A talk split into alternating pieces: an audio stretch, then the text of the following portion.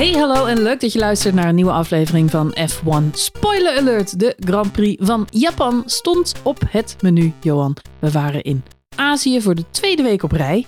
Ja, Maar het was natuurlijk een heel ander verhaal dan, eh, dan Singapore. ja. Laten we blij zijn. Tenminste, de Red Bull fans kunnen blij zijn, mogen sowieso blij zijn. Het was namelijk de zesde keer dat Red Bull Racing het constructeurs Kampioenschap, kampioenschap. wist te winnen. ja, Ja. naar zich toe eh, wist te trekken. Ja. En dat eh, zorgt voor een interessante situatie. Of überhaupt de hele puntentelling zorgt voor een interessante situatie. Want ik, eh, ik eh, was enigszins verbaasd. Maar het schijnt dat Max Verstappen wereldkampioen kan worden, Johan, in een sprintrace. Ja. Nou, dat is wel makkelijk. Dat is makkelijk. Kan hij op zondag lekker achterover. En sterker nog, hij kan kampioen worden in de sprintrace zonder dat hij hem hoeft te winnen. Op het podium Hij- hij moet gewoon genoeg. Me- meerijden.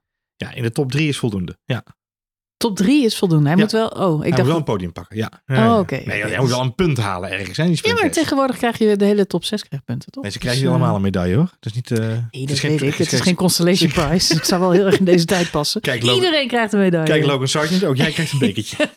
Nee, die, verdient, die verdient zeker een beker, Johan. Jazeker. In elk geval voor 3 miljoen schade die hij met die auto gereden heeft. kan je dan mee gaan collecteren met die beker. Om de Ja, schade terug te betalen.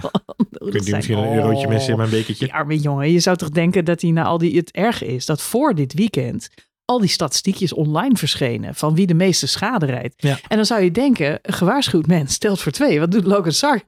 Die rijdt er gewoon nog een miljoen bij. Ja. Dat doet hij goed. Ja, die dacht even veiligstellen. Ja, precies.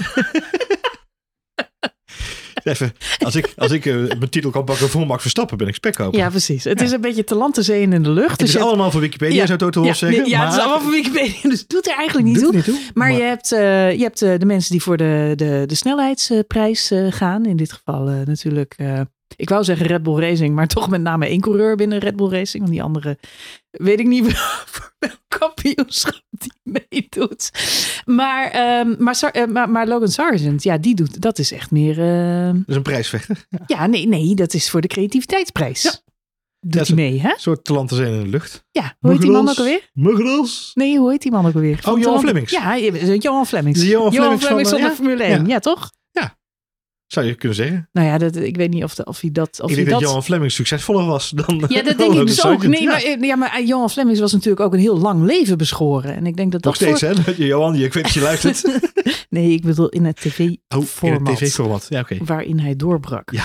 Ehm, maar ik denk niet dat dat voor Logan Sargent ook opgaat. Ik denk niet dat een, een, een lang leven beschoren is in de Formule 1. Als ik dit weekend zo bekijk, wat denk jij? Nee, ik denk dat... eh, Er gaan steeds meer stemmen op dat, eh, ja, we springen van de hak op de tak vandaag. Nee, ik vind het fijn aan de is achterkant van de beginnen eh, deze ja, keer. maar- ja, nou waarom niet? Ehm, eh, er gaan natuurlijk stemmen op. Wij hebben het in onze vorige podcast ook al laten vallen. Dus ik ben blij dat de mainstream media gewoon weer die, die lijn volgt. En dat is dat Logan Sargent misschien wel eens eh, vervangen zou kunnen worden bij eh, Williams. Kost natuurlijk het eh, team daar een hoop geld. Terwijl Albon eigenlijk ja, gewoon een heel knap, knap seizoen rijdt. En volgens mij is dat team echt wel tot meer in staat. Dus ja, de geruchten worden steeds hardnekkiger. Dat onze grote vriend Liam Lawson volgend jaar in de Williams zit. We weten in elk geval zeker dat hij niet in een Alfa Tauri zit. Taura. Ja, dat is wel. Tauri. Tauri. Alfa Tauri. Tauri. Ja. Tauri. Het heeft twee redenen. Eén is, Ja. eh, ze hebben Daniel Ricciardo en Yuki Tsunoda natuurlijk eh, verlengd.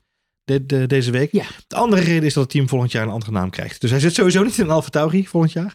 Nee, dat is heel flauw. Dat, dat is flauw. Maar, dat is, maar goed, het, het neemt wel een hoop. Het, was, kwad- het kwam toch een beetje on, toch? Dat ineens, nou, wel zo eh, snel. Het is wel, het, hebben is dat alle ze... geruchten de kop ingedrukt. Nou ja, dat, op zich is dat dan wel weer positief en fijn. Dat zorgt in ieder geval weer voor een stukje minder silly season, om zo maar even te zeggen. Hmm. Ehm, wat eh, grappig was, of eigenlijk verwarrend in deze situatie, is dat ze vrij vanuit Alfa Tauri eerst communiceerden dat ze geen haast hadden met het terugzetten van Daniel Ricciardo in de auto bij Alfa Tauri. Ze wilden geen onnodige risico's nemen. En, eh, en ze zouden geen eh, haast hebben met het vervangen van Liam Lawson. Dus hij zou dit weekend sowieso nog rijden. Nou, misschien dat zelfs ook wel, eh, als Qatar te vroeg komt voor Daniel Ricciardo. Misschien zelfs daar ook wel, wie weet, wie weet. Mhm, mhm, Dat was een soort van heel klein voedingsbodempje voor geruchten. mhm. En toen kwam ineens een paar uur later het bericht. En we hebben trouwens verlengd met Daniel Ricciardo.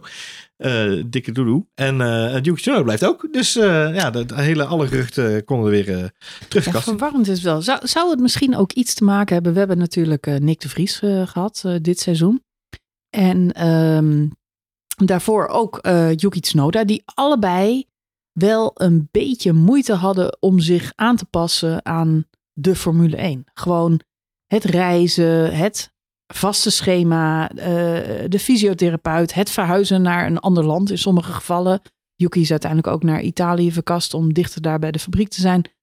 En uh, uh, was in Engeland bijvoorbeeld helemaal niet gelukkig. Dus wat, wat een beetje naar voren komt, is dat um, er ja, dat het tijd nodig heeft om je een beetje thuis te voelen in de Formule 1. Ja, nee, Zouden dat... ze dat misschien met Liam Lawson volgend seizoen willen doen? Dat hij eh, net Ja. als eh, zo- zo'n Toto Wolf protégé altijd naast de grote baas mag staan. Dat hij mee mag lopen met Christian Horner aan de hand. Nou, Helmoet Marco dacht ik meer. ja, om hem te begeleiden door de paddock heen. Ja, we hebben het over oude Ja, knorrenpotten. precies. dus Ja, precies. over Christine Hou mijn schouder maar vast, eh Helmoet. Ja. Ja. Nee, ehm, nee, kijk, ik denk dat... eh, eh, we hebben het vaker gehad over Yuki Tsunoda in deze podcast. Het verhaal gaat natuurlijk nog steeds dat hij... Hij is natuurlijk aan Honda verbonden. Het kan zomaar zijn dat als Honda de overstap maakt naar Aston Martin in 2026... dat hij dan ook mee de overstap maakt. Tot die tijd is hij echter nog steeds gewoon een coureur binnen de Red Bull stal. Dus ik denk dat het logisch is dat ze hem verlengd hebben. Laten we eerlijk wezen, de laatste paar races doet Yuki ook geen hele gekke dingen. Eh, en laat die Alfa Tauri zeker dit weekend zien dat er ineens weer schot in de zaak zit. Dus ja, wie weet wat er de komende eh, races nog gaat gebeuren met Alfa Tauri en die auto. Dus dat is positief. Daniel Ricciardo is inderdaad het antwoord op Nick de Vries. En, eh, en daarvoor natuurlijk ook al de andere coureurs die uiteindelijk op zo'n plek hebben gezeten bij Alfa Tauri. Duidelijk niet eh, eh, de, de, de plek eh, die... eh, ze zoeken naar eigen vastigheid, hè, om zo maar even te zeggen. Het is natuurlijk jarenlang het opleidingsteam geweest van Red Bull. Ehm, zou het in mijn ogen ook nog steeds moeten zijn. Maar ze- aan de andere kant is het ook gewoon een machine die geld moet verdienen. Helaas. En dus hebben ze er nu voor gekozen om daar een goede coureur naast te zetten. En Yuki toch de kans te geven om daar tegenaan te knokken. Ja, een beetje Pierre Gasly was natuurlijk ook een ervarenere coureur dan Yuki. Ehm, dat heeft hem wel altijd goed gedaan. Ik denk dat het nu ook weer zijn voordeel is. Nou, het hangt ook natuurlijk een beetje van de, de tactiek in dit geval van de coureur zelf af. Wat hij of eh, zij wil. We hebben daar vorig jaar een heel mooi playbook eh, van gekregen van eh, Oscar Piastri. Mhm. Die natuurlijk bij Renault enige PR shizzle heeft meegemaakt. Eh, daar eh, ja, valselijk eigenlijk gepresenteerd werd. Terwijl die natuurlijk aan de andere kant van de Oh, wereld. lekker te tukken inderdaad, ja. ja. Ja, eh, en heeft zich daar dus wel onderuit gewurmd met het oog op nee, wacht even, ik heb bij McLaren echt een betere deal en ik heb daar meer vertrouwen in. En gewoon de hele gang van zaken en de manier waarop ze met me omgaan, Ja. staat me meer aan. En daar heeft zijn manager Mark Webber natuurlijk ook een handje in gehad. Maar die hebben wel met z'n tweeën het, die echt heel bewust, san scrupules, zoals ze dan zeggen. Dus echt eh, zonder eh, eh, ja, eh, lief te willen overkomen of, Ja. of eh, ehm, ja, in een goed blaadje te willen blijven bij Alpine. Ja. Ja, nee, ze, zijn, ze hebben echt een, een, een gameplan. En ik, ik herken het een beetje, hè, wat je in de voetballerij zie je het ook vaak gebeuren. Het is ook een beetje powerplay. Maar ik kan me herinneren, twee jaar geleden, de, of een jaar geleden volgens mij nog maar, de soap met Frenkie de Jong, die natuurlijk bij Barcelona eigenlijk de deur uit werd gepest. Maar eh, voet bij stuk heeft gehouden en gezegd, ik wil hier niet weg. Dit is mijn club. Mijn enige jongensdroom die ik ooit gehad heb, is bij Barcelona voetballen. En dan maar een beetje salaris minder, maar ik blijf hier spelen. En Ja. goed dat hij dat gedaan heeft, want het gaat eindelijk weer een beetje goed met die club. Dus ik zit ook wel te denken, hè, we vervallen vaak in eh, ja, een beetje meelullen met, met de pers en met de media. En eh Lawson misschien naar, naar Williams, want dan rijdt hij.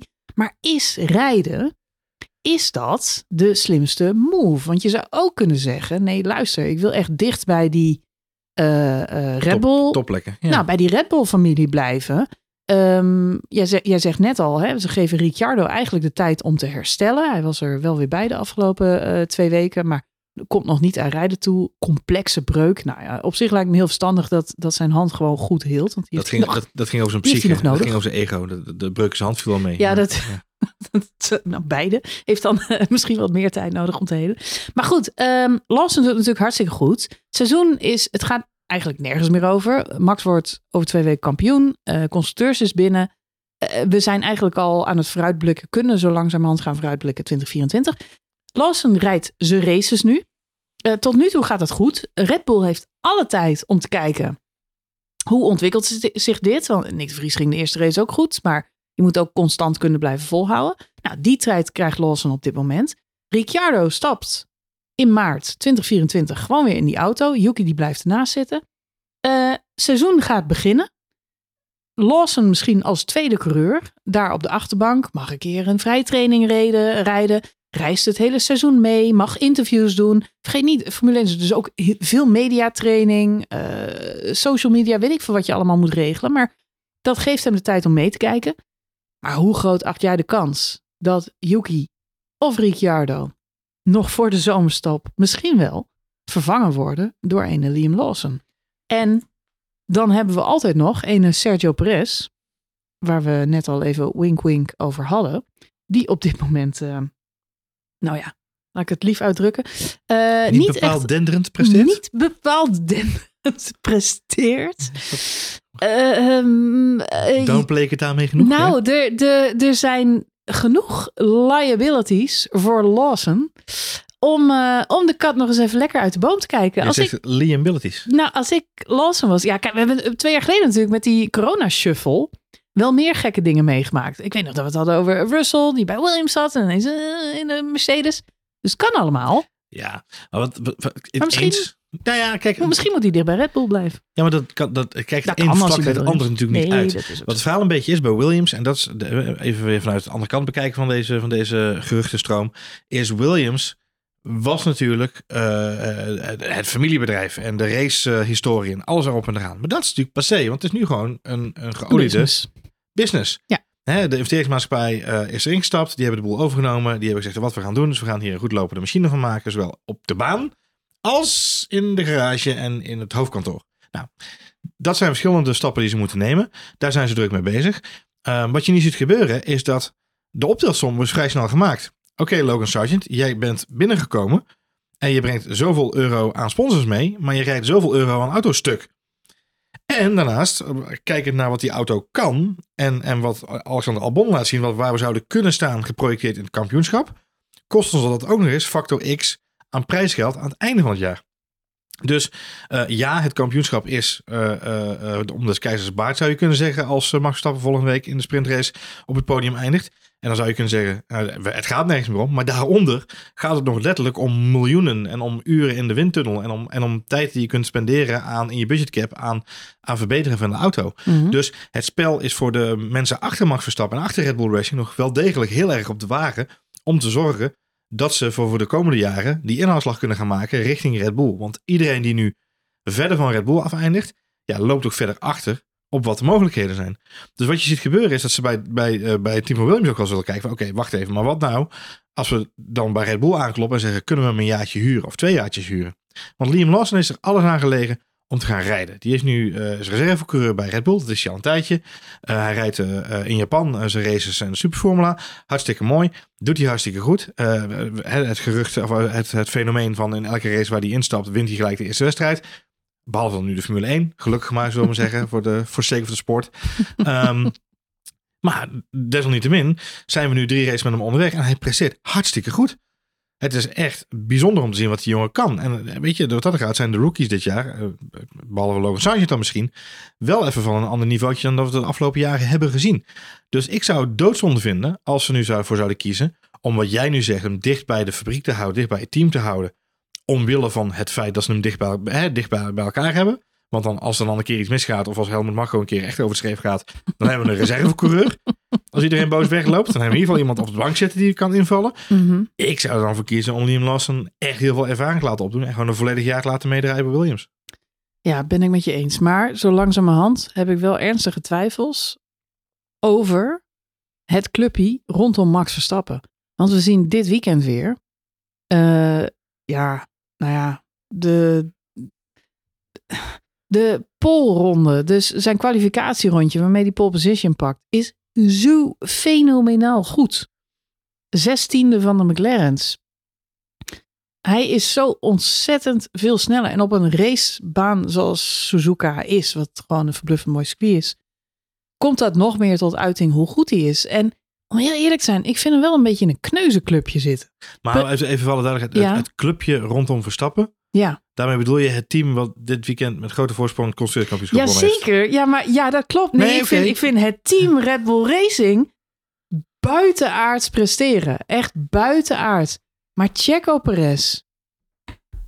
My god. Ah, je bedoelt, het is een teamgenoot. Ja, Ah. nee, ja, maar ik bedoel niet is alleen. niet het nee, clubje? nee, het clubje bedoel ik. Checo Perez. Maar ook Yuki Tsunoda en Daniel Ricciardo. Nou is Daniel Ricciardo net terug. Heeft maar twee races gereden, kunnen we niks van zeggen. Dus we weten niet eh, of hij zichzelf herpakt heeft na dat hele McLaren debakel. Maar bij McLaren was het niet best. Ik vrees nog steeds, helaas met grote vrezen, dat Daniel Ricciardo een beetje over zijn toppen heen is. hey, als hij me ongelijk eh, bewijst, ben ik de eerste die er enthousiast over is. Hè? Want ik, ik vind die gast gek en hij hoort bij de Formule 1. En ik wil niks liever dan Daniel Ricciardo weer succes zien hebben. Maar ik kan nog niet zeggen dat ik hem in de, de races die hij dit seizoen weer mocht invullen, meteen ja, eh, heel veel beter eh, vond dan, eh, dan Yuki Tsunoda bijvoorbeeld. Dus ik, Ik was wel getriggerd naar aanleiding van de race van dit weekend. En, en ook in Singapore al de eerste, Mhm. de eerste tekenen die zich daar al voordeden bij AlphaTauri. Eh ik was wel geïntrigeerd om te kijken wat er gaat gebeuren als hij in deze auto zit. Want deze auto is wel significant verbeterd sinds Zandvoort. Nee, absoluut, ben ik helemaal met je eens. Dus we moeten, nogmaals, het is een beetje te vroeg benoemd waarschijnlijk. Laten we het eerst nog maar zien. Maar het zou wel een beetje gênant zijn als Red Bull volgend jaar voor, nou, de hoeveelste keer op rij, ehm, ja, met, met, met drie andere coureurs staat die toch een beetje, ja, letterlijk de kantjes ervan afrijden. Ze mogen wel, e- ze, en dan hoeven ze het niet alle drie heel de tijd top te doen. Max staat op zo'n ander niveau, dat is gewoon lastig. Alleen als je nou dit weekend hoort hoe goed McLaren de shit op orde heeft. Iedereen heeft het erover. De driver line-up van McLaren is fenomenaal. Oscar Piastri en Lennon Norris doen bijna niet voor elkaar onder. Je kunt niet zeggen de een is beter dan de ander. Ze zijn ontzettend aan elkaar gewaagd. En wat daarbij zorgwekkend is, is dat dit Oscar Piastri zijn eerste seizoen is in de Formule 1. Zeker, Ja. zeker. Maar Lennon Norris die heeft weer andere kwaliteit. Je ziet, als je de polrondjes, ze lieten in de voorbeschouwing de polrondjes naast elkaar zien, dan zie je precies wat het verschil is. De een pakt in de ene sector en de ander in de andere. En ze hebben, de een heeft een wat vloeiendere lijn en neemt hem juist wijd en is daardoor sneller. En de andere is wat strakker. En dus het interessante aan die twee is dat ze qua racelijnen allebei talent eh, laten zien.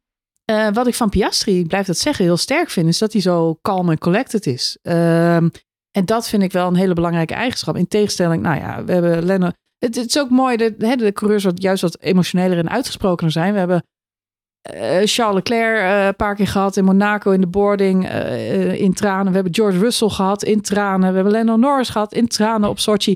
We hebben een hoop coureurs die heel emotioneel zijn geweest over hun falen en ook over hun successen. Pierre Gasly, Monza. Maar ik vind, die een ijsje ging halen. ik vind het ook wel eens lekker dat we weer coole kikkers krijgen. Coole kikkers zijn, zijn goed. Ook voor de sport. Dus eh, nee, dus ik, zie Piastri wel. eh, wel maar goed, ik vind het een, fantastische line-up. En dat zegt iedereen nu ook. Eh Zack Brown moet in zijn handjes knijpen. Hij heeft Piastri nu bijgetekend. Dus dat is mooi. Dat eh, is eh, wat we hem allemaal adviseerden. En Ja. hij heeft eh, goed naar iedereen geluisterd. En de, het volgende wat hij nu moet doen, is dat bij Lennon Norris ook doen. Want deze twee jongens, die moet je zo lang mogelijk vasthouden. Ja, maar goed, Lando zit natuurlijk vast Het op is gewoon- 2025. Het is gewoon Ja. exciting. En hetzelfde geldt min of meer bij Ferrari. Want een week geleden zaten we hier en hadden we het over Ferrari. En dat daar gewoon leuke dingen gebeuren. En dat Sainz een enorme stap voorwaarts heeft gemaakt. Ook deze race weer. Eh, eh, eh, waarin hij in zijn auto zit te schaten lachen. Omdat ze bij Mercedes het trucje van vorige week proberen te kopiëren. Hij heeft het allemaal redelijk goed door. Het is een soort TikTok-meme.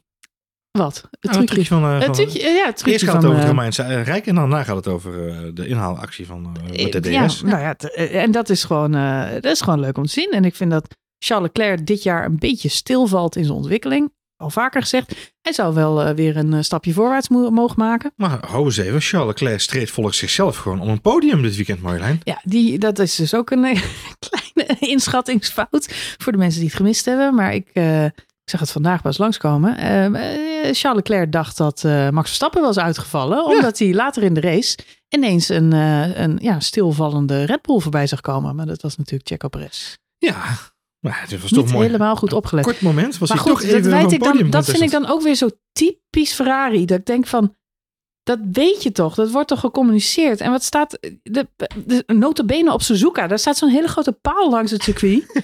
waarop ouderwets, oldschool, gewoon de volgorde van de, ja. de nummers, de coureurs nog steeds te zien zijn. Dan hoef je niet per se Fernando Alonso te zijn, die alles altijd maar in de gaten heeft. Maar ja, een, een team kan je toch ook informeren welke plek je ligt? Of, of zie je dat niet op je dashboard? Je hebt toch ook nog zo'n zo'n pitwall met zo'n bord die, Ja. die over de schutting hangen. En daar, daar Ja, staat er ook, Als ik Charles Leclerc was, zou ik die pitcrew ook niet meer vertrouwen. Na al die jaren. eh, is, wat, je, die denkt gewoon fake news. Nee, gasten zetten de P4 op, ik rijd P3. Ja, Dat zijn die precies. nou weer aan het doen. Oh, die zou, oh, dat is wel erg. Als dat echt zo is, dat hij gewoon denkt dat ze een foutje maken bij zijn team. Dan is het erger bij Die Ferrari dan we dachten. Het zal al Ja, zijn. dat zal die inderdaad ja, ik zie toch Verstappen net uitvallen. Jongen, jongen. Nou ja, maar dan moet dat vertrouwen hersteld worden. Maar goed, lang verhaal kort. Er zijn genoeg interessante eh, ehm, ja, eh, eh, driver line-ups waar je op dit moment heel enthousiast over kan worden. Over Perez word ik op dit moment niet zo heel enthousiast. Over Yuki en Ricciardo kan misschien nog komen. Maar ze krijgen allemaal wel erg lang de tijd, vind Ja, maar ik. dat, maar dat is het, het, het, het moeilijke van het, van het eh, tijdelijke, eh, eh, tijdelijke Ja. rijdersvacuum of, of het interbellum wat we hebben Ja, richting 2026, richting die nieuwe regels, richting die nieuwe setups. Daarnaast, Mhm. heel veel coureurs liggen gewoon voor langere tijd vast. Hè, Verstappen, eh, Leclerc, Sainz, eh Lando Norris lag natuurlijk al vast. Nu ook eh, Oscar Piastri, die ligt zelfs nu tot 2026 vast. Hè. De andere coureurs die ik net noemde tot 2025. Bij Red Bull is de boel, sorry, bij Mercedes is de boel verlengd. Dus er is niet zo heel veel beweging in die markt. En dan moet je je afvragen, doen we er goed aan om nu een heel nieuw team neer te zetten? Ik denk dat de afweging is bij AlphaTauri. Laten we ze maar gewoon de kans geven. We zien het wel. Ehm, en wie weet wat er in 2025 en 2026 kan gebeuren. Je weet het gewoon niet. En, en ik denk dat dat een hele goede mindset is voor nu. In ieder geval voor 2024. Om te zorgen dat je kunt gaan blijven voortborduren op wat je nu hebt ingezet. Als ze bij AlphaTauri nu weer alles omgooien. Ze hebben al net heel die auto om moeten gooien. Ze hebben al Hm, hm. eh Nick de Vries moeten, eh, moeten opvangen dat hij vertrokken, eruit ge- gebonjourd werd. En vervolgens opgelost moest worden door Daniel Ricciardo. Die freaking drie races onderweg zijn hand breekt. En dan moet er weer een andere coureur in die auto. Dus ik denk dat die hun portie silly season al gehad hebben daar. In een soort mini eh, storm, storm in een glas water. Ehm, ja, en, en weet je, dat is, het moeilijke daarvan is. Bij een Perez geldt een beetje hetzelfde. Een Perez zit nu eenmaal op die plek. Hij heeft nog een contract voor een jaar. En ja, Red Bull weet ook dat er niet heel veel andere coureurs zijn die op dat stoeltje kunnen gaan zitten. En dan, nou ja, te presteren is één ding. Maar gewoon de druk van het stoeltje überhaupt overleven, dat is afgelopen jaren gewoon heel lastig gebleken. Even dan, eh, ja, even dan over Perez. Moeten we natuurlijk wel nageven. De, de zesde kam, eh, ja, constructeurs eh, voor, voor Red Bull Racing. 400 punten staat eh, Max Verstappen inmiddels op. Checo Perez staat op de tweede plek in het kampioenschap met 212. 23? 23? Ja. Kijk eens aan. Dus toch bijna de helft van de heer Verstappen. En moeten we ook nageven, hij staat op de tweede plek. Dat is wel gezegd. Wel in dezelfde auto als de nummer 1 met bijna twee keer zoveel punten. Ja, Maar alsnog staat hij op de tweede plek. en het andere wat er aan de hand is, is dat we aan de achterkant zien we Lewis Hamilton aankomen. Mhm, Met op dit moment 190 punten. mhm. In de Mercedes waarvan ze pas halverwege het seizoen besloten hebben dat er een paar sidepods op moesten. Ehm, en Fernando Alonso, ja, die is dan een beetje out of contentie geraakt de laatste vier races, maar staat op 174 punten. Ehm zeven races te gaan, zes races te gaan, eh, is er nog best wel wat te doen voor Sergio Perez om te zorgen dat hij in ieder geval niet in de problemen komt richting Lewis Hamilton. Want ja, weet je, ook bij Mercedes hebben ze toch wel redelijk het licht gezien de afgelopen Ja, weken. nou, ik wil, ik, wil- ik, wil, ik wil hem nageven dat hij toch eh, wel op die tweede plek staat. Dus het is, eh, zoals Christine Horner al zei, ook aan hem te danken dat Red Bull Racing de constructeurs pakt. Ja. Mogen we niet helemaal eh, overheen stappen. Van de 623 punten heeft hij een derde bij elkaar gereden. Ja. Eh, ja, maar Ja. alsnog, dat Ja. is ook eh Dat is ook wat prestatie. waard. Is, eh, ja, het is niet... ja, ik weet nog, er er zijn seizoenen geweest dat Bottas niet lukt om tweede te worden hè? Nee, in de eens. Mercedes. eens. Wat ook de beste auto was op dat moment. Dus je moet het nog steeds doen. Alleen Perez wordt wel een beetje geholpen door wat jij zelf net al aanstipt. Het feit dat dit seizoen de pun- punten zo ontzettend verdeeld raken onder alle teams. Dat maakt dit seizoen ook wel heel erg, erg leuk. Vorige week hadden we het over een Ferrari-dominantie. Dit week zitten we ineens naar de McLaren's te kijken. Aston Martin zakt in dit verhaal ineens een beetje weg. Dat is dan wel weer erg jammer, met name voor Alonso. Ehm, maar dat maakt ook dat Perez natuurlijk een beetje een voordeel heeft wat dat betreft. Ja, Om, eh, om, om eh, ja, toch hij, eh, hij teert nog steeds op de voorsprong die ze in het begin van het seizoen hebben opgelopen met elkaar. Ja, eens. Ja, even over Perez dan en wat er misging deze wedstrijd. Even, Even.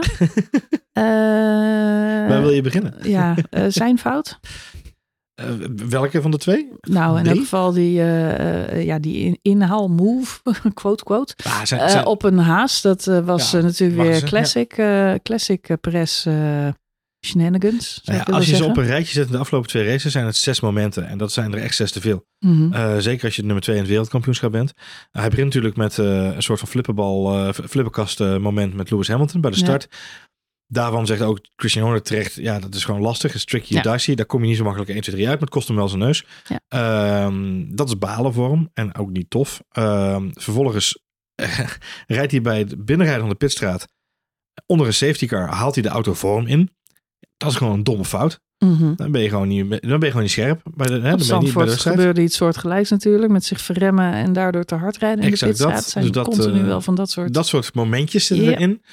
Ehm, nieuw neusje erop. En dan vervolgens inderdaad die, die T-bone op, eh op Magnussen. Ja, hij had die bocht gewoon nooit gehaald. Het idiote is dat de commentator eh, ongeveer vijf minuten daarvoor al zegt... als Perez zo doorgaat, kan Ja. hij zo weer een nieuwe neus gaan halen. En vijf minuten later zitten we Staat ernaar te kijken. Ja, Ja, het is ook wat dat betreft... Als, als je het zelfs als kijker al in de gaten hebt... van wat is hij aan het doen? Dit is lomp, dit is onhandig. En Er zit een bepaalde desperaatheid. Een soort van, eh, soort van eh, eh, overlevingsdrang of, of, onnodige push naar voren in.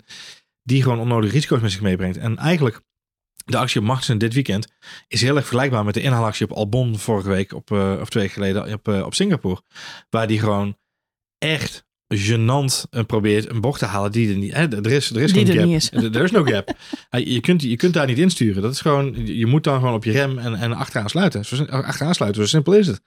Eh, maar hij doet het niet. En ja, in, in dit geval ook bij Magnussen rijdt hij gewoon die auto schade.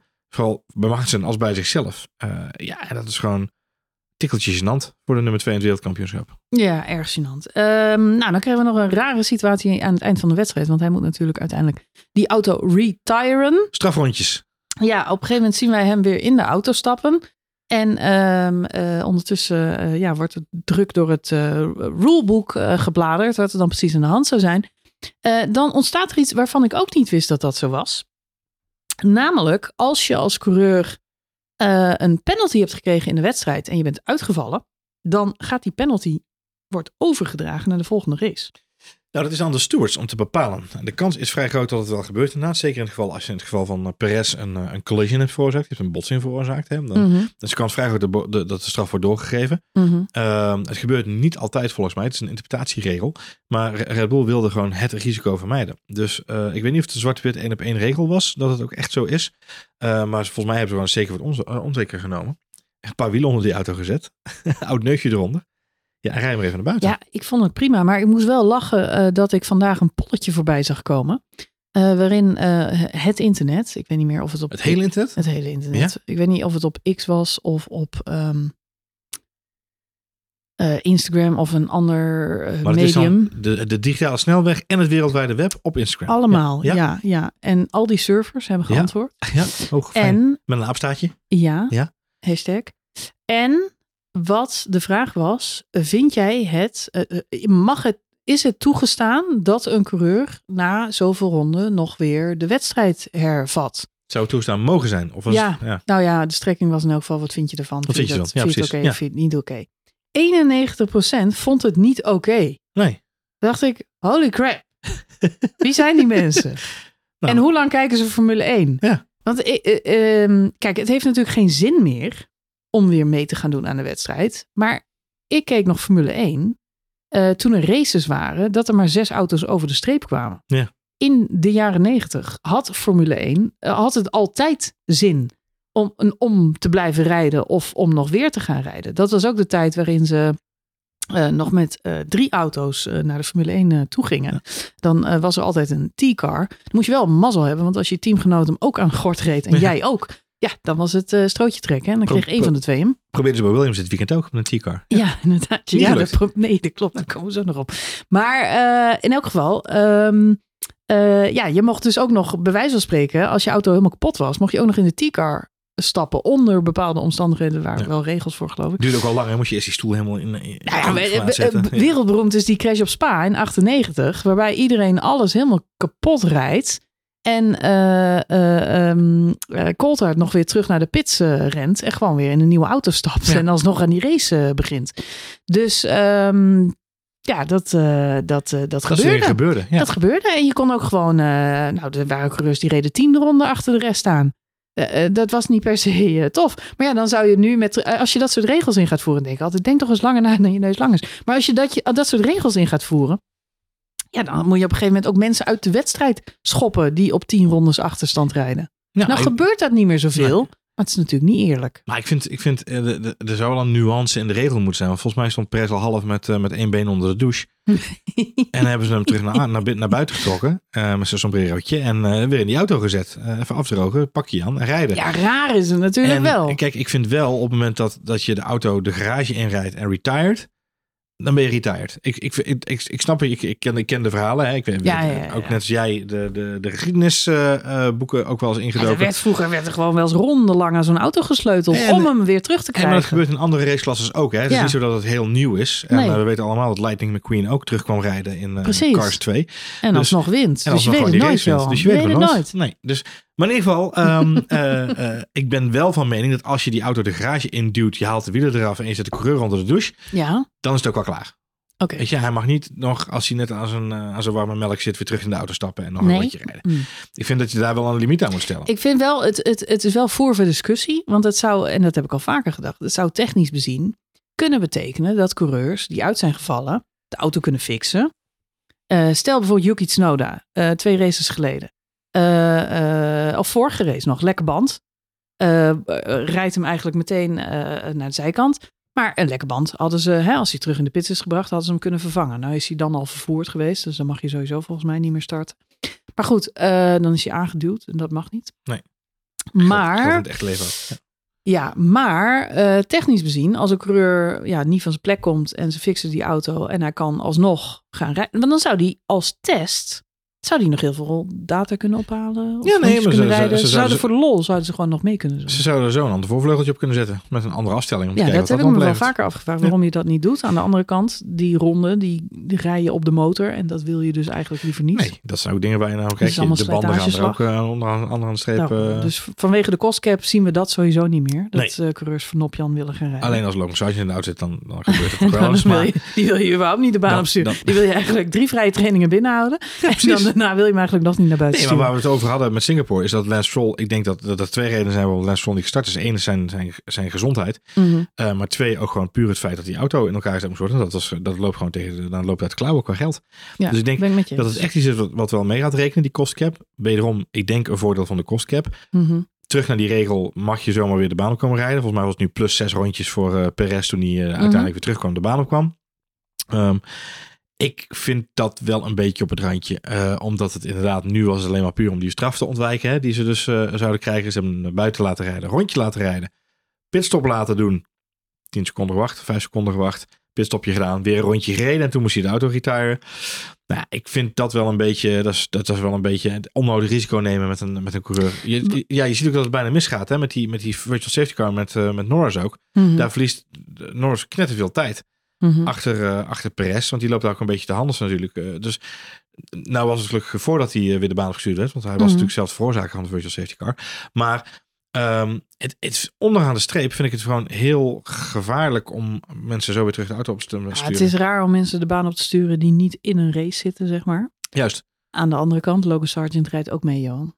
Ja, Die doet ook nooit mee in de race. nee, dat is waar. Dus als dat mag, dan... Dat is eh, waar. Dat is waar. Wat, eh, wat ik wel nog even erover wil zeggen, ik vind het wel ook weer een testament aan ehm, eh, ja, de dominantie misschien wel van Red Bull Racing.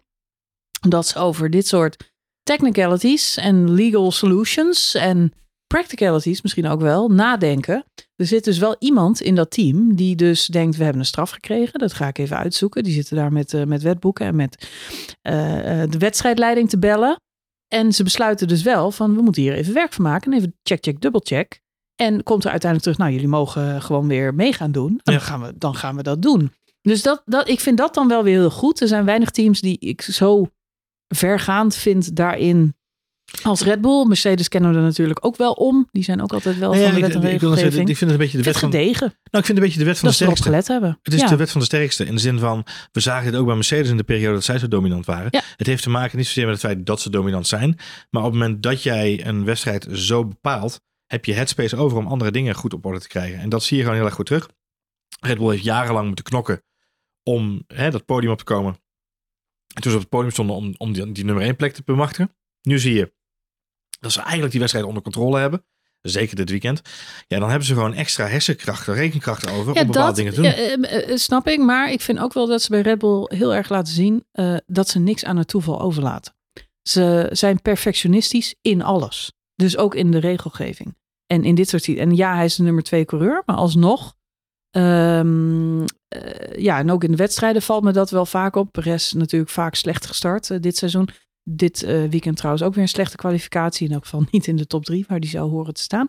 Ehm, vind ik toch ze bij Red Bull dan nadenken... hoe kunnen we een strategie verzinnen om hem alsnog op het podium eh, te krijgen. Dat hoeft niet per se, want hebben ze, ze hebben de constructeurs al lang binnen. Maar er zit iets in dat team. En uiteindelijk is dat nu, nu ook de reden dat ze terecht...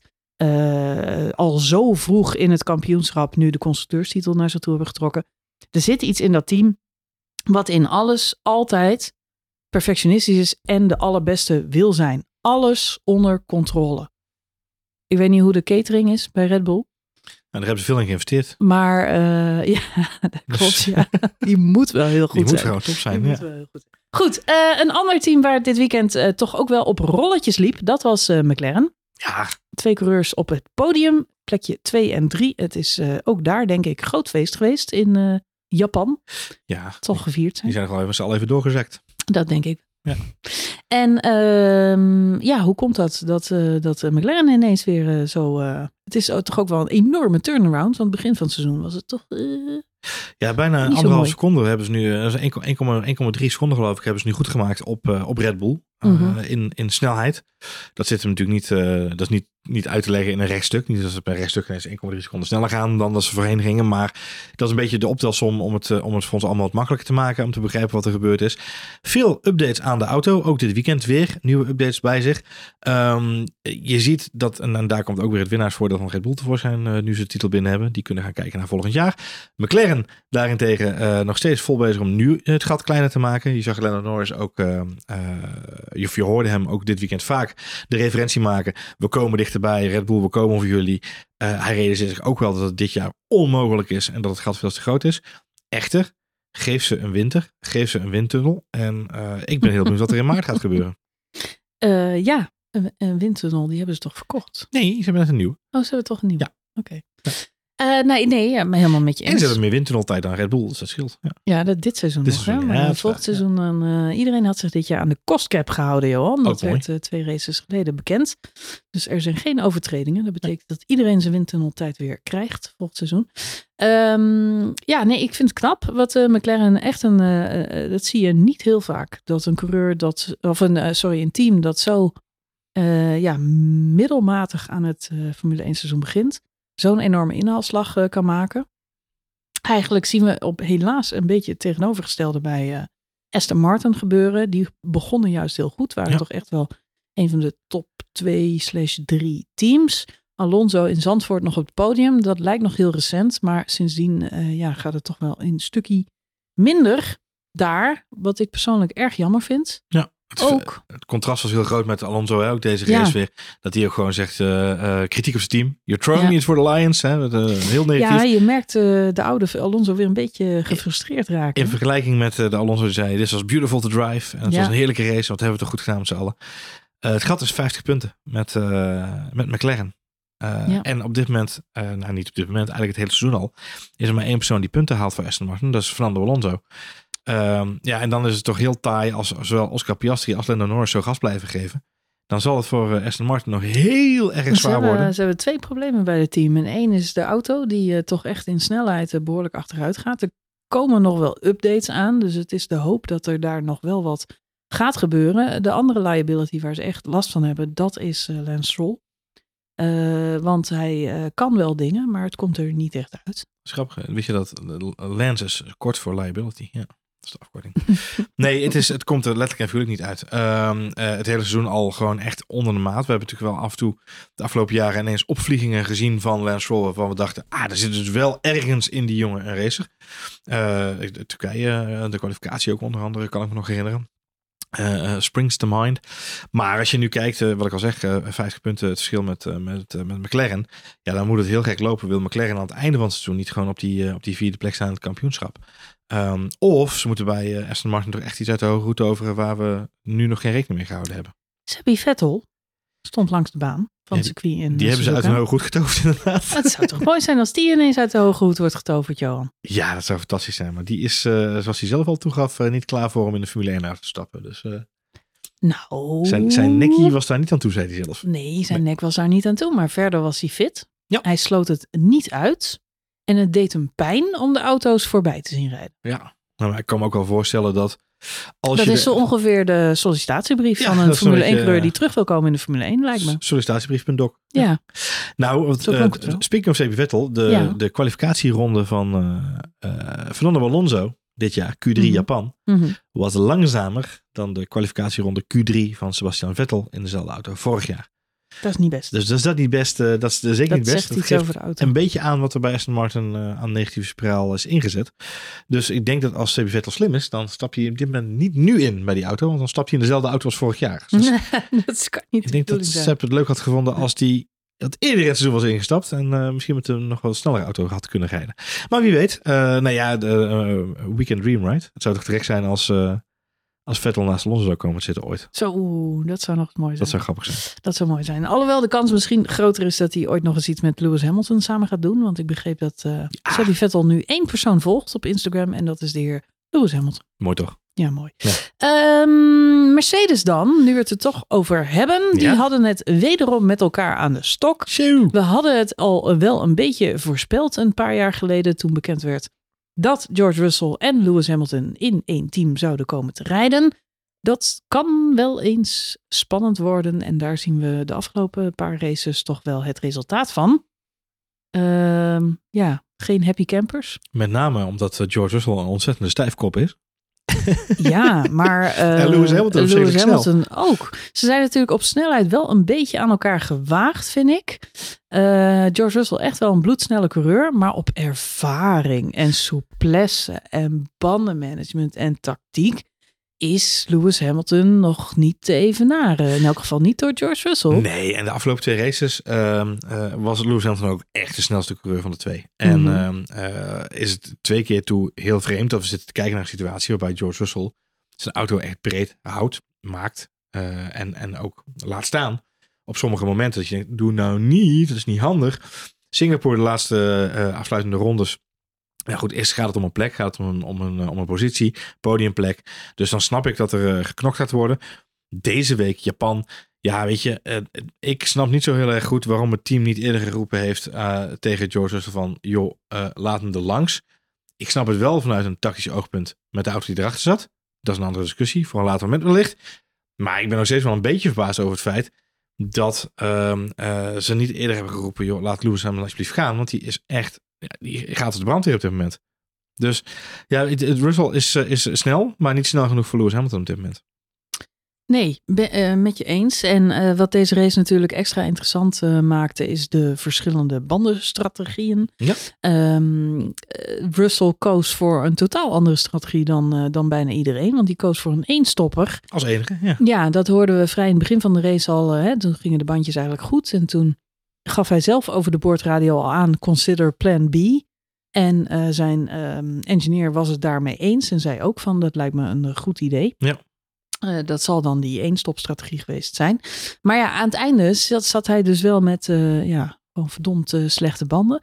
Dat zorgde dus inderdaad voor het incidentje Carlos Sainz, die daar met rassenschreden aankwam. Sowieso was deze, ja, wat deze race erg leuk maakte, was, vind ik altijd, dat grote verschil in die banden. En hoe zie je dat? Na afloop van een pitstop zijn coureurs ineens drie of vier seconden per ronde sneller. Dat is gigantisch. Uh, je zag Max Verstappen reed een 1,40. Uh, en uh, Max Verstappen zou Max Verstappen niet zijn als hij niet drie seconden sneller gaat, maar zes seconden sneller. Want Max had, ja, denk ik, zijn nieuwe bandjes één rondje onder. Reed meteen een 1.34. Dat zijn in de Formule 1 gi- giga-verschillen. Ja. Dus dat gold eigenlijk ook een beetje voor Carlos Sainz. Die veel nieuwere banden had. En dus ook dik een seconde sneller was dan de twee Mercedes. Ze kon daar dus eigenlijk heel snel eh, ja, aan, de, aan de achtervleugel eh, komen. Ja. En dan is nog even de vraag, hoe kom je er voorbij? Hij zat natuurlijk achter Lewis Hamilton. Die had hij dan eerst moeten verschalken. En op dat moment besluiten ze bij Mercedes, nee Hamilton, ga jij maar even George Russell voorbij. Want jij bent dan weer een stuk sneller dan die Russell op die oude eenstopbanden. En Russell was het daar dan weer niet mee eens. Eh, omdat hij zoiets had van kunnen we dat trucje van, van, eh, van Sainz niet, eh, niet Dus lenen. uithalen, ja. Nou, dat werd alsnog gedaan, maar dan in omgekeerde volgorde. Dus Lewis Hamilton kreeg eigenlijk de vraag: kun jij niet even Russell? Het was ook grappig, want Russell kwam over de boordradio van: if you want to play the team game, dan eh, geef mij dan in elk geval de DRS. Weet Ja. je wel, andersom was logischer geweest misschien om, eh, om Hamilton op die manier eh, over de streep te sleuren. Want Hamilton is de ervaren coureur, was misschien beter in staat geweest om Sainz ronde na ronde achter zich te houden. Zeker als hij DRS had gehad misschien van, van, van Russell. Ja. Aan de andere kant, Russell ging wel erg langzaam. Dus was dat genoeg geweest en had Sainz dan misschien beide Mercedes ingehaald? Dat zullen we nooit weten. Nee. Ehm, maar goed, het was wel erg grappig dat, dat Russell dan vroeg: ja, maar kan ik dan in elk geval de DRS krijgen van Lewis? Waarop Lewis vol in de ankers ging, want het, eh, de suggestie werd meteen Ja, die- doorgestuurd. Hij was twee seconden weg, ja. Ja, hij was al twee seconden weg. Hij zat, er was al helemaal geen DRS meer. Lewis die was al aan het doorrammen. Want die had nog zoiets. Ik kan Charles Leclerc nog gaan eh, pakken. Dat kon niet hoor. Want Nee. Charles Leclerc was veel sneller dan Lewis Hamilton. Maar goed, die had in elk geval zoiets. Ik moet hier zo snel mogelijk vandoor. Want ik wil Sainz niet om mijn oren krijgen. En ik geef hem geen ongelijk. Nee. Verstandig dat hij dat deed. Maar op dat moment komt zijn team dan toch nog. hey, kun je Russell alsjeblieft eh, DRS geven, DRS geven? Op, op suggestie van Russell eigenlijk. Wat ik dan ook wel weer Apart. Ja. apart vind dat dat zich zo ontvouwde. Maar ook dat Hamilton dus besluit om dat wel te doen. Ja. En eh, dat zorgt voor dus een vermakelijk moment, in elk geval bij Carlos Sainz, die zich realiseert, die ziet daadwerkelijk Hamilton in de ankers gaan. Die realiseert zich, oh, ze gaan proberen mijn plannetje te doen. Nou goed, ik vind het, ik vind het een hele komische situatie in deze eh, Grand Prix. Grappige bij eh, Mercedes is dat Toto Wolff dit weekend ontbrak. Mhm. Ehm, dat was niet op circuit. Eh, wat je dan terugziet is dat iedereen ineens heel aardig tegen elkaar wilde doen. Dat was, Hmm. een, eh, was een conflictvermijdende situatie inderdaad. Waarbij eh, George Russell zei, ja, ik wil wel een teamgame spelen. En zijn team zei, ja, George, je hebt gelijk. Hij over de bol. Kom over de bol. We gaan het wel regelen voor je. Lewis wil graag teamgame spelen. En Lewis zei, ja, ik ga ook niet wegrijden. Want dan heb ik straks ruzie met iedereen. Krijg ik weer niet te eten. Dus hij ging ook vol op zijn rem. En die dacht van, ga- dus je zag dat iedereen heel bezig was om dat teambelang te, be- te behartigen. Ja, ik vond het opvallend Het was dat Lewis beetje het wel deed. Het was een beetje cringe, ja. En dat had ook zomaar verkeerd kunnen uitpakken. Ik denk Ja. dat Lewis Hamilton was terecht kritisch na afloop van de wedstrijd. Van, Ja. joh, ik snap niet waarom ze de call gemaakt hebben. Als je me er langs laat, laat me dan gaan, want dan kan ik een gat opbouwen. Nu had ik geen gat, zit ik alsnog met zijn. Russell was zo langzaam. Die was zo aan het glibberen. Die had zulke oude banden. Die had zelfs met de DRS van Hamilton... was hij sitting duck voor Carlos Sainz... Nee, deze die truc- twee seconden sneller Deze was. truc had alleen geholpen als, eh, als het inderdaad omgedraaid was geweest. Want dan was George Russell de stop in de, in de, de kurk in de fles geweest, om het zo Ja. maar even te zeggen. En dan had Lewis Hamilton met DRS van George Russell de boel moeten verdedigen. Dat had kunnen werken voor een Ja. 5-6. Maar dat weten we niet en dat is de koende kont Het was, kijken. het dus was altijd een tricky game. Ik denk dat ze er verstandig aan hebben gedaan om Lewis er voorbij te laten. Lewis was nog redelijk op snelheid. En Lewis is Lewis Hamilton. Daar ben je niet zo, zomaar voorbij. Alhoewel Carlos Sainz dat wel dacht. Maar goed, waar, waar zij op hoopte en op gokte. En ik denk dat het de juiste gok is. eh, de race was bijna afgelopen. Het was nog maar vijf, zes rondjes. Dus hoe langer je kunt rekken. eh, op een gegeven moment is het vanzelf afgelopen. En heeft hij het niet gehaald. En de banden van Carlos Sainz gingen natuurlijk ook achteruit. Want we zagen alle banden hard achteruit gaan. Dus die laatste vijf, zes rondjes waren cruciaal. Hamilton had genoeg ervaring, maar ook genoeg nog over om hem op dat laatste stukje nog achter zich te houden. Ja. Dus nou, dat heeft hem toch nog een paar punten extra opgeleverd. De grappige situatie die zich voordeed was eigenlijk het feit dat eh, er vooraf eh, natuurlijk een hele andere tactiek bedacht was voor, het, eh, voor, voor de hele race. Iedereen was vanuit gaan dat het een, een surefire one-stopper zou worden. Hè? Dus iedereen dacht, ging uit van een één-stop. Ehm, Maar het was warm. het was warm inderdaad. Er was een stuk van de baan opnieuw geasfalteerd. Dus dat zorgde ervoor dat de slijtage een stuk hoger lag. Daarnaast ehm, was het grappige van de situatie die zich voordeed, is dat zowel Red Bull, want ook Max Verstappen had een setje nieuwe hards minder, als Ferrari kwamen pas na, of tijdens vrijtraining 1 erachter dat, dat, die slijtage zo hoog was. En toen hadden ze net dat gloednieuwe setje hards erop liggen. Met andere woorden, alle andere teams die hadden zoiets van... Oh, wacht even, daar gaan we geen nieuwe hard onderleggen. We leggen er even iets anders onder. Dat komt wel goed. Dus in de race zag je dat Ferrari en Red Bull alle twee op dezelfde strategie zaten. Namelijk medium, medium, hard. Daar, waar, waar, waar, daar waar ze bij Mercedes inderdaad voor uh, uh, medium, hard, hard zijn gegaan. Uh, in het geval van Lewis Hamilton. En George Russell is inderdaad voor een één stop met medium hard.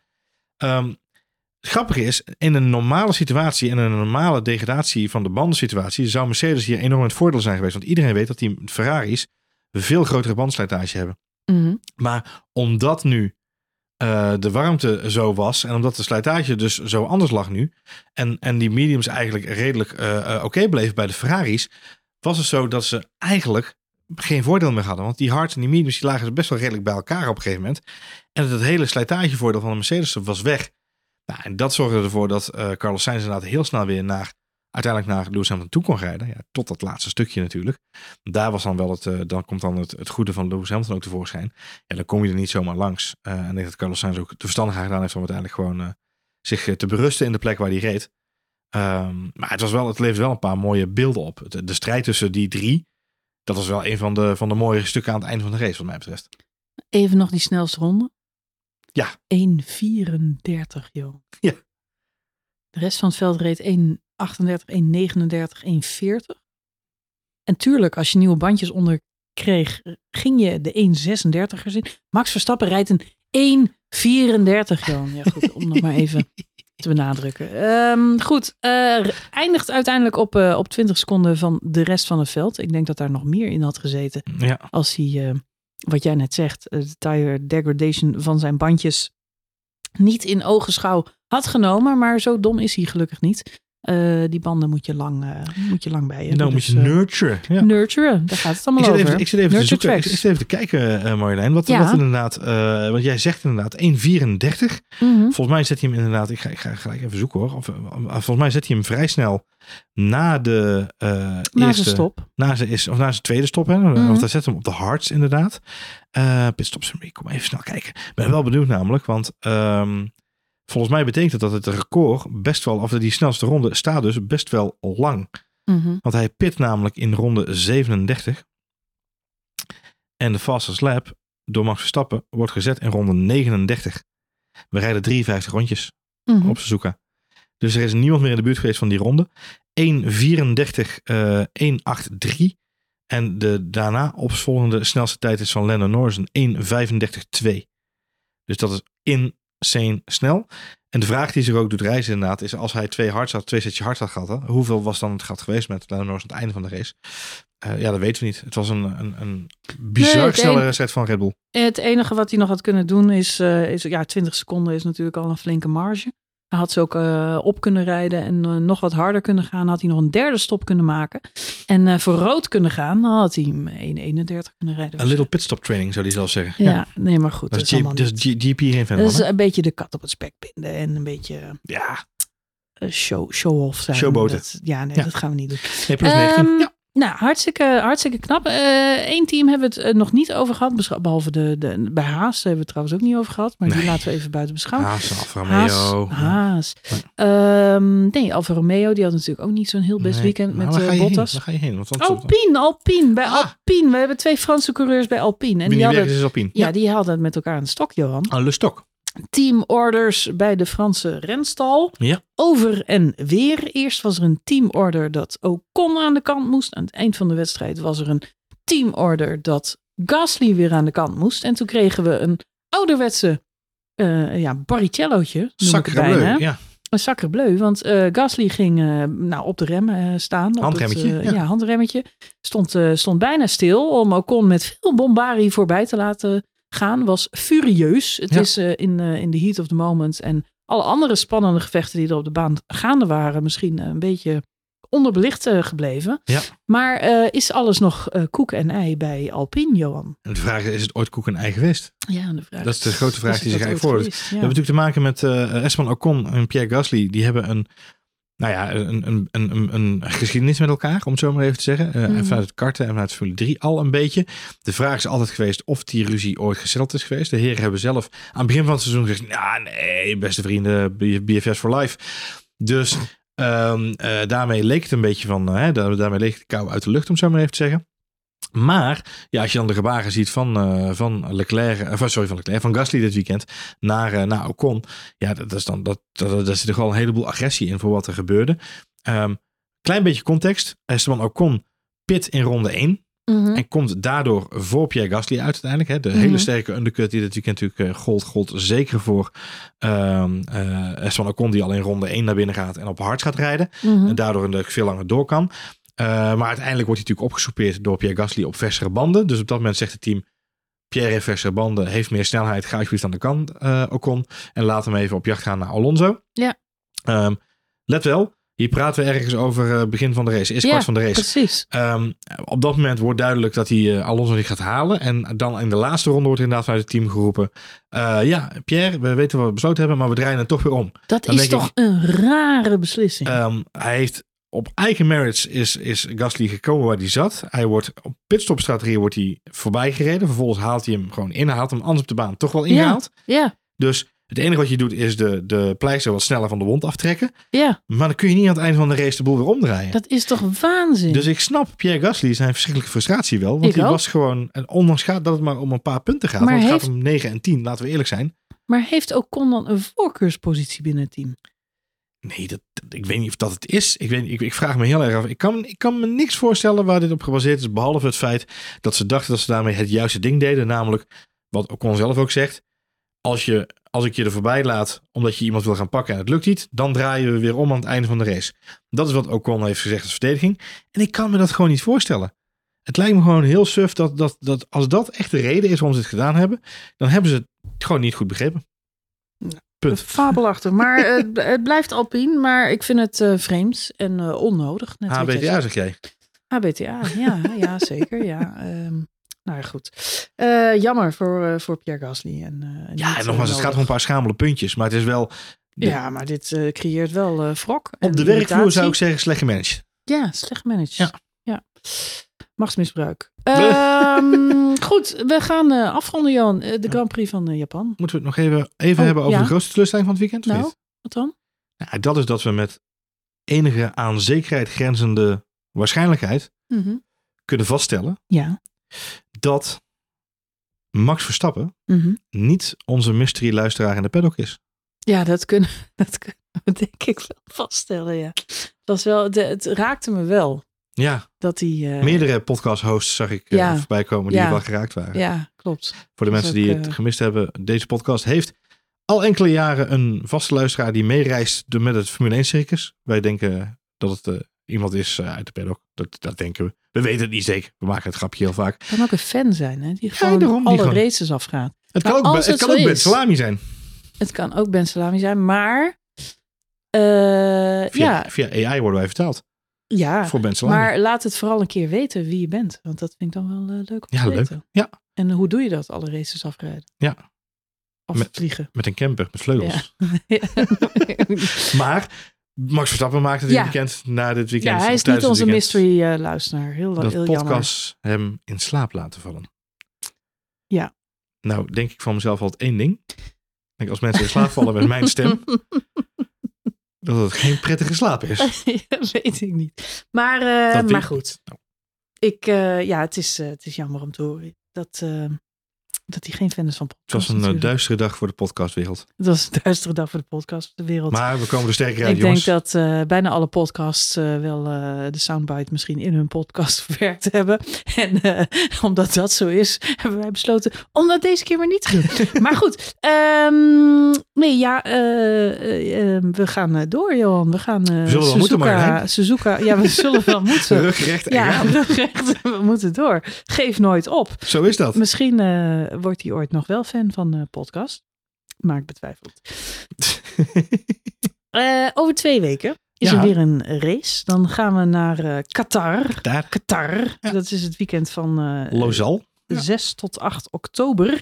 Dan is er een race op de zondagavond om eh 7 uur. Ja. Zeg ik, als het goed is, eh, onze Nederlandse tijd. Ik hoop dat ik me deze keer niet daarin vergist. Ik dubbelcheck. Ja, dat klopt. ja, ja, dubbelcheck. Ja, Oh, fijn. Hartstikke fijn. Vier ogen principe. Nou, nou is er op zaterdag dus een sprintrace om half acht. Ja. Dus eh, zaterdag 7 oktober, lieve mensen. zeg dat dineetje met vrienden af. Ehm, cancel die verjaardagsplannen. Geen barbecues, daar is het toch al te koud voor tegen die tijd. 7 oktober om half acht 's avonds gaat Max Verstappen voor de derde keer wereldkampioen Formule 1 worden. Zo. Jij gooit hem er vast in. Ja, dat is amper een Gilburger challenge. Het is gewoon een hele, een hele, ehm, ja, makkelijke, feitelijke een vaststelling. hele feitelijke vaststelling. Ja, ja. Nou ja, dat betekent wel dat je op zondag de sleutels kan geven aan iemand anders. Misschien kan Stef Vettel een rondje rijden voor hem. Ik ben heel benieuwd wat hij op zondag gaat doen. Maar ik denk nog een keer winnen. Ik denk dat hij gewoon de rest van het seizoen blijft winnen. Ik denk Het dat... zal een worst wezen. Nou ja, ik denk dat... eh, eh, Hij gaat ze niet cadeau geven.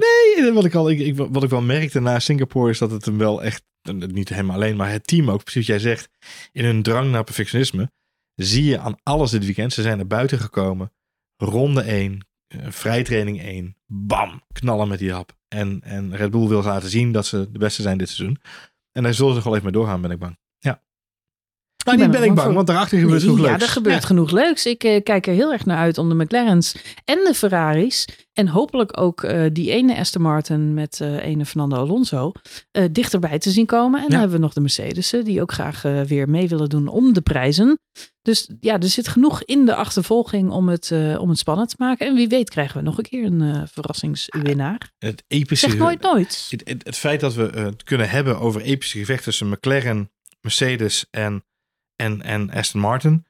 Eh, los van Red Bull, wat daar boven dan gebeurt. Het is, gewoon, het is Mhm. gewoon uniek. Het is toch gaaf om, om dat gewoon mee te maken. Moeten En- wij stiekem nou niet ook heel blij zijn met Sergio Perez? Moeten wij Sergio Perez niet heel dankbaar zijn dat we niet naar hele saaie 1-2 races zitten te kijken?